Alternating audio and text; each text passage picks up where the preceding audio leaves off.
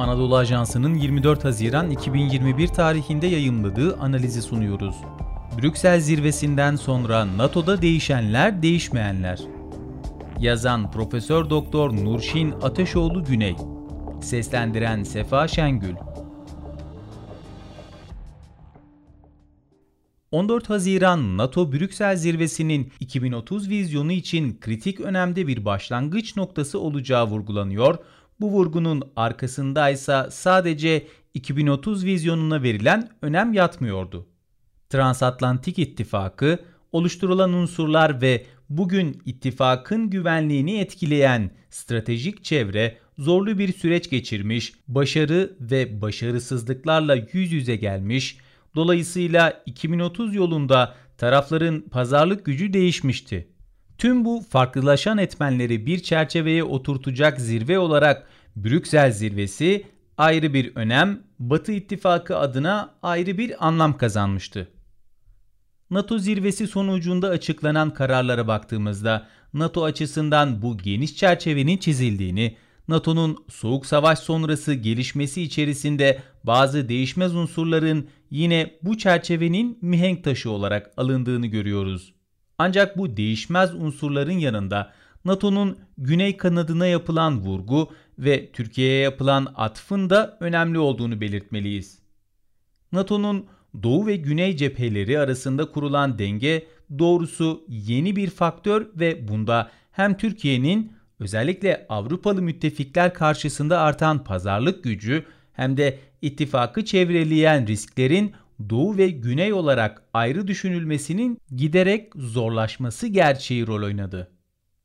NATO'nun değişmezleri 3 ana misyon NATO sonuç bildirisinde de vurgulandığı üzere ittifak giderek daha karmaşık hale gelen bir güvenlik ortamında hareket ediyor.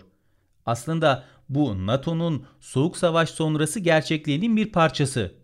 Zaten bu nedenle ittifak geleneksel ortak savunma ve transatlantik alanının dışarıdan gelecek saldırılara karşı korunması misyonlarının yanında işbirlikçi güvenlik ve kriz yönetimi gibi iki ana misyon daha edinmişti. Brüksel zirvesinde bu üç misyona müttefiklerin bağlı olduğu tekrarlandı. Trump döneminin esas konusu olan ve NATO tarihi boyunca masaya gelip giden yükün bölüşülmesi meselesine önemli bir atıf yapılmadan 3 misyonun ve 5. maddenin tekrar tekrar vurgulanması müttefiklerin 2030'da etkili, başkalarıyla ve başka alanlarda çalışabilecek esneklikte ve güvenliğin bölünmezliği ilkesine bağlı bir NATO görmek istediklerini bize hissettiriyor. İttifak özellikle askeri kapasitelerin dayanıklılığını yeni güvenlik ortamında sağlamlaştırma konusunda ulusal hükümetlerin sorumluluğunun altını çizmekle beraber ortak bütçe, teknoloji alanında işbirliği ve müttefiklerin bir arada çalışabilirliğini kuvvetlendirme hususunda Brüksel'in sorumluluğunu da yatsımıyor. Kısaca Trump döneminde kendini hissettiren sorunlar çözülmese de şimdilik ittifakın siyasi birliğinin ve bütünlüğünün resmine zarar vermemesi için dolaba kilitlenmiş görünüyor.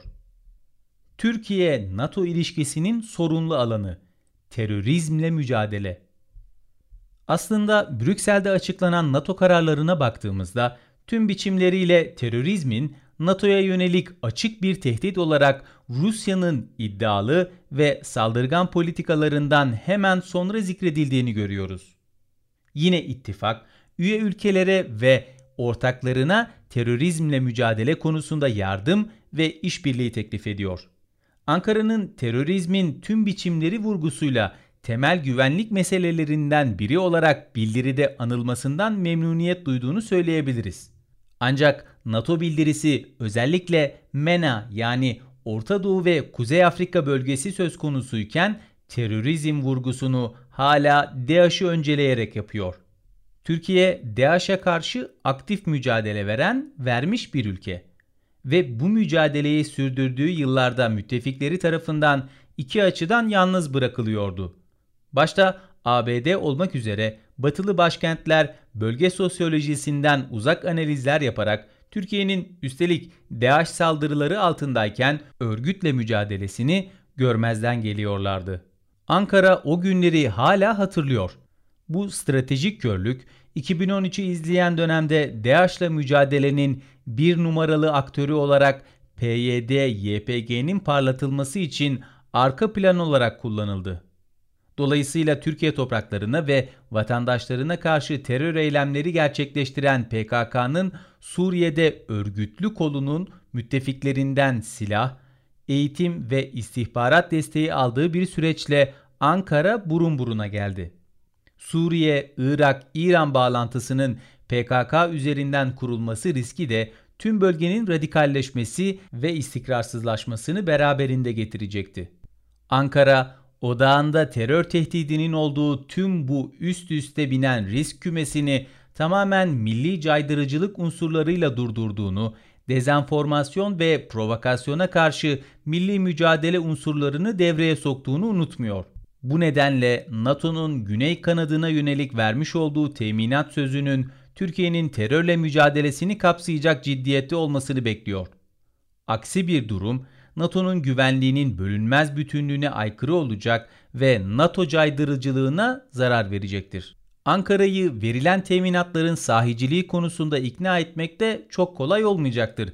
Zaten Türkiye'nin milli unsurları ve istihbarat kaynaklarıyla sınır ötesinde terörle mücadele etme kapasitesini temel sigortası olarak elinde tuttuğunu ardı ardına yapılan ve önemli neticeler alınan sınır ötesi operasyonlardan anlıyoruz. Bu çerçevede NATO, Doğu-Güney kanatlarında kuvvetlendirilmiş caydırıcılık resmine bir zarar gelmesini istemiyorsa, müttefikler Türkiye'nin terörle mücadelesini artık güçlü teminatlarla desteklemeye başlamalılar. Spotify, SoundCloud, Apple Podcast ve diğer uygulamalar. Bizi hangi mecradan dinliyorsanız lütfen abone olmayı unutmayın.